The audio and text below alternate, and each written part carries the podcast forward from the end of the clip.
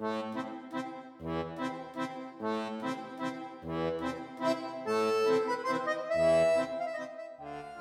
lytter til podcasten Søheld, Svindler og Spion. Om Jørgen Jørgensen. Denne her episode er nummer 3 i historien om Jørgen, som blev født 1780 i København, lige i centrum af byen. Som dreng kendte han alle kringelkroge i København. Han legede meget på gaderne og kendte alle smutveje, genveje og stier rundt i det centrale København. Nu er han så her i tredje afsnit blevet voksen, og han er dygtig til at sejle, og han er dygtig til at styre et sejlskib. Så i denne her podcast historie skal du høre om, hvordan han også blev kendt som stifinder, når han var ude på havet. Altså en, der kunne finde vej at finde genvej og smutvej. Også ude i den store verden. Altså den del af verden, som slet ikke fandtes på landkort dengang. Derude, hvor man på et tidspunkt troede, at man opdagede nyt land, hver gang man kom længere ud. Dengang man var opdagelsesrejsende. Man siger, at Columbus for eksempel opdagede Amerika, og han er en af de kendteste opdagelsesrejsende, og en af de første, som sejlede fra Europa over Atlanterhavet. Fra Europa til Amerika. Men det vidste han nu ikke, fordi da han sejlede afsted hjemmefra, så vidste han ikke, hvor han ville ende, og han troede sådan set, at han var på vej til et land, der hedder Indien, et kæmpestort land. Men det var ikke Indien, han kom til. Han kom til Amerika, som han så troede var Indien, og derfor kaldte han de folk, som boede der, for indianere. Nå, det havde Jørgen Jørgensen også læst om, og han havde hørt om både Columbus og en masse andre opdagelsesrejsende, og det synes han lød rigtig spændende. Han havde især hørt om ham, kaptajn Cook fra England. Han havde nemlig fundet Australien, eller fundet og fundet. Det kan man måske sige. Der boede en masse mennesker, og de havde boet der mange tusind år, så... men det kommer vi tilbage til senere. Hov, hov, hov, hov, hov. Ja, stop. Jeg er ikke så meget for de her overraskelser. Ikke endnu, din lille djævel. Du skal nok få lov senere. Undskyld, det, det er et lille dyr, som, som jeg senere skal præsentere dig for. Den er lidt aggressiv, men jeg skal nok fortælle dig om den senere. Denne her historie begynder i Afrika.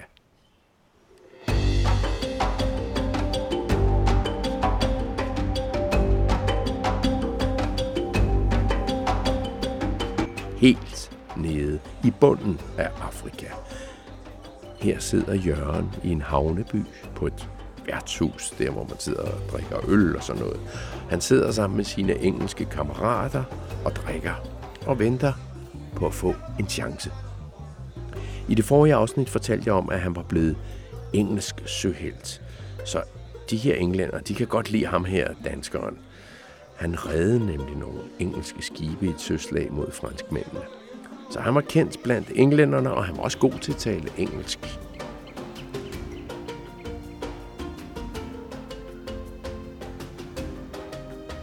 Der ankom mange engelske skibe til havnen.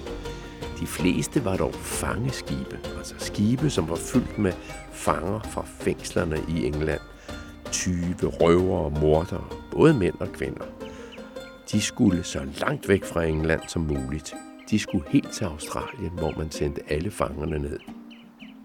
Men nu vidste Jørgen, at der også var et engelsk skib i havnen, som skulle ud og opdage nyt land. Det var han meget mere interesseret i, end i at sejle med sådan et fangeskib. Så han gik ned til det her opdagerskib og sagde, Hej. det siger man på engelsk, hej can I brook? Altså, nu sagde han det jo så nok ikke på den her måde, fordi det var dansk jo med sådan engelsk accent. Han har nok sagt det på engelsk, fordi han var ret god til det, som sagt. Can you use me on your next expedition? Kan I bruge mig på den næste ekspedition ud og opdage land? Ja, det kan vi godt. Fantastic to see you all here. Thank you, thank you. Let's let's get going. Let's get let's let's get on with the job sagde englænderne. Så Jørgen kom ombord på det her skib. Lady Nelson. De skulle til Australien, det land, som ham her, den engelske kaptajn Cook, havde opdaget, men han havde ikke helt fået lavet et kort over, hvor stort Australien egentlig var. Cook havde bare lige fundet noget af Australien og gået i land og sat sit flag og sagt, hey, nu er det engelsk land. Og dengang havde man jo ikke flyvemaskiner eller satellitter eller sådan noget, så man kunne ikke se oppefra, hvor stort det her land egentlig var. Så derfor skulle Jørgen og de andre ud og finde vej rundt om Australien, som er en meget stor ø. Og så skulle de lave landkort samtidig. Og så kunne de tegne på papir, hvordan landet så ud, hvor man kan sejle, og hvor der er klipper, og hvor man skal passe på. Det var lige noget for Jørgen. Han er både god til at sejle, og han kan også godt lide at tegne. Han havde masser af tid, når han sad der på skibet for at sidde og tegne og skrive. De sejler nemlig mange måneder på sådan et sejlskib. Det går ikke så hurtigt. De kommer til Australien, og så finder de ud af, at Australien rent faktisk ikke er så stor, som man tror. Når de sejler rundt om Australien, så sejlede de nemlig dengang også rundt om endnu en ø, som lå syd for Australien. Men der var altså en smutvej imellem Australien og så den der ø, som ligger syd for. Man havde nemlig troet, at de to øer hang sammen, men Jørgen og Lady Nelson sejler imellem den store ø, Australien, og den mindre ø, som så får et navn senere. I dag hedder den Tasmanien. Stop, stop, stop, stop, stop. Der kommer den igen. Det er en tasmansk djævel, den der. Men jeg skal nok vende tilbage til den her. Den er frygtelig. Det er en slags hund, men de lever nemlig der på den her ø. Det ved man slet ikke endnu, så den vender jeg tilbage til lige om lidt. Nå, de fandt så en smutvej mellem Australien og Tasmanien, og den fik de tegnet ned på et kort. Uheldigvis var de ikke de første, der havde fundet den her smutvej. Der var en anden, der også havde fundet den nogle år før, og han hed George Bass. Og derfor hedder det der smutvejen hedder Bassund. Ligesom Øresund. Og hvis Jørgen nu havde fundet det som den første, så var det måske kommet til at hedde Jørgens Sund. Altså, ligesom det Øresund, der adskiller Danmark og Sverige. Men nu hed den, og kom til at hedde Bassund. De var i Bassund.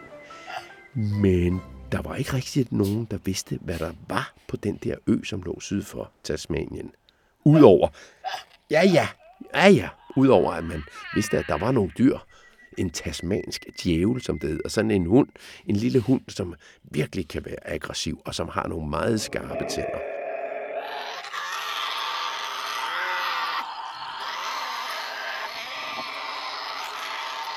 Og den fandtes nemlig kun på den ø.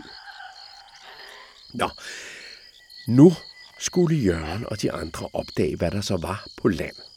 Og det kunne jo godt være farligt, jo.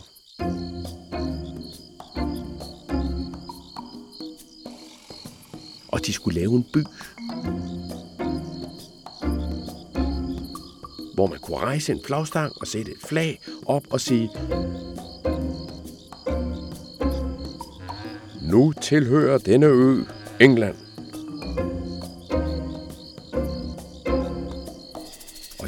Og og de andre på skibet får at vide, I skal altså skynde jer, fordi franskmændene vil også gerne være de første, som kommer frem og sætter deres flag. Aftenen før de skal afsted, ligger de i havnen i en lille by, der hedder Sydney, Australien. Altså, den var lille dengang. I dag er den her by temmelig stor. Den er, ja, der bor lige så mange i Sydney i dag, som der bor i hele Danmark. Men dengang var det en mindre by, og det var primært en havn for mange skibe. Og der ligger Lady Nelson, det skib, som Jørgen sejler med, og de gør sig klar. De skal have en hel masse ombord på skibet, for der skal altså en hel del til, når man skal bygge en helt ny by. Når man sådan er nybygger. Og dem, der skal bo i byen, det er 24 af de her straffefanger fra et fængselsskib. 24, som er kommet over fra England, fra fængsler der. 21 mænd og 3 kvinder. Og Og så er der syv soldater, som skal sørge for, at de her 24 straffefanger ikke kommer op og slås eller noget i den retning. De var sådan lidt aggressive, de her straffefanger. Så der skulle syv soldater med os. Og så skulle der syv nybyggere, som var gode til at bygge huse og klare sig i naturen og lave mad over bål og alle sådan nogle ting. Det lyder lidt som en spejderudflugt, men de skal altså bygge en by. Og så var der syv børn med også. De skulle vokse op og blive dem, som senere skulle sørge for, at byen voksede og voksede. Så alle de her syv børn og syv nybyggere, syv soldater og 24 straffefanger skal ombord på skibet. Plus oven i det, en hest, en tyr, 12 køer, får, svin, høns, en masse værktøj, telte, tæpper, møbler. Der skal altså en del til at bygge en by. Prøv bare at tænke på alt, hvad du har i din by, eller bare derhjemme, og så slæb det alt sammen op på et træskib og sejl afsted. Ud i stormvejr. Det vidste de ikke på det her tidspunkt, men der var stormvejr derude. Wow, og det skal du høre om i den næste episode af historien om Jørgen Jørgensen. Hvordan de sejler ud, og hvordan de laver den første by på Tasmanien, det som i dag er hovedstaden Hobart. Hobart, som er den by, hvor kronprinsesse Mary er født.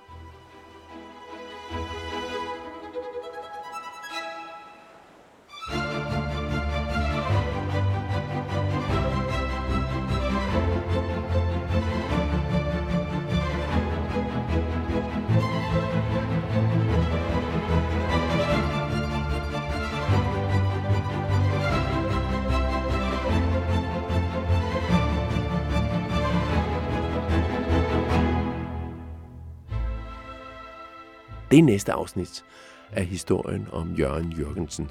Der kommer både kronprinsesse Mary ind over og alle mulige andre ting. Og der står en statue i Hobart af Jørgen Jørgensen. Men vent til næste afsnit, fjerde afsnit i historien om Jørgen Jørgensen. Det her er en podcast lavet af Københavns Biblioteker, lavet af mig, Claus Vitus, som har læst en masse bøger om Jørgen Jørgensen, som jeg har fundet på biblioteket, og derfor lavet denne her historie. På genhør i den næste episode.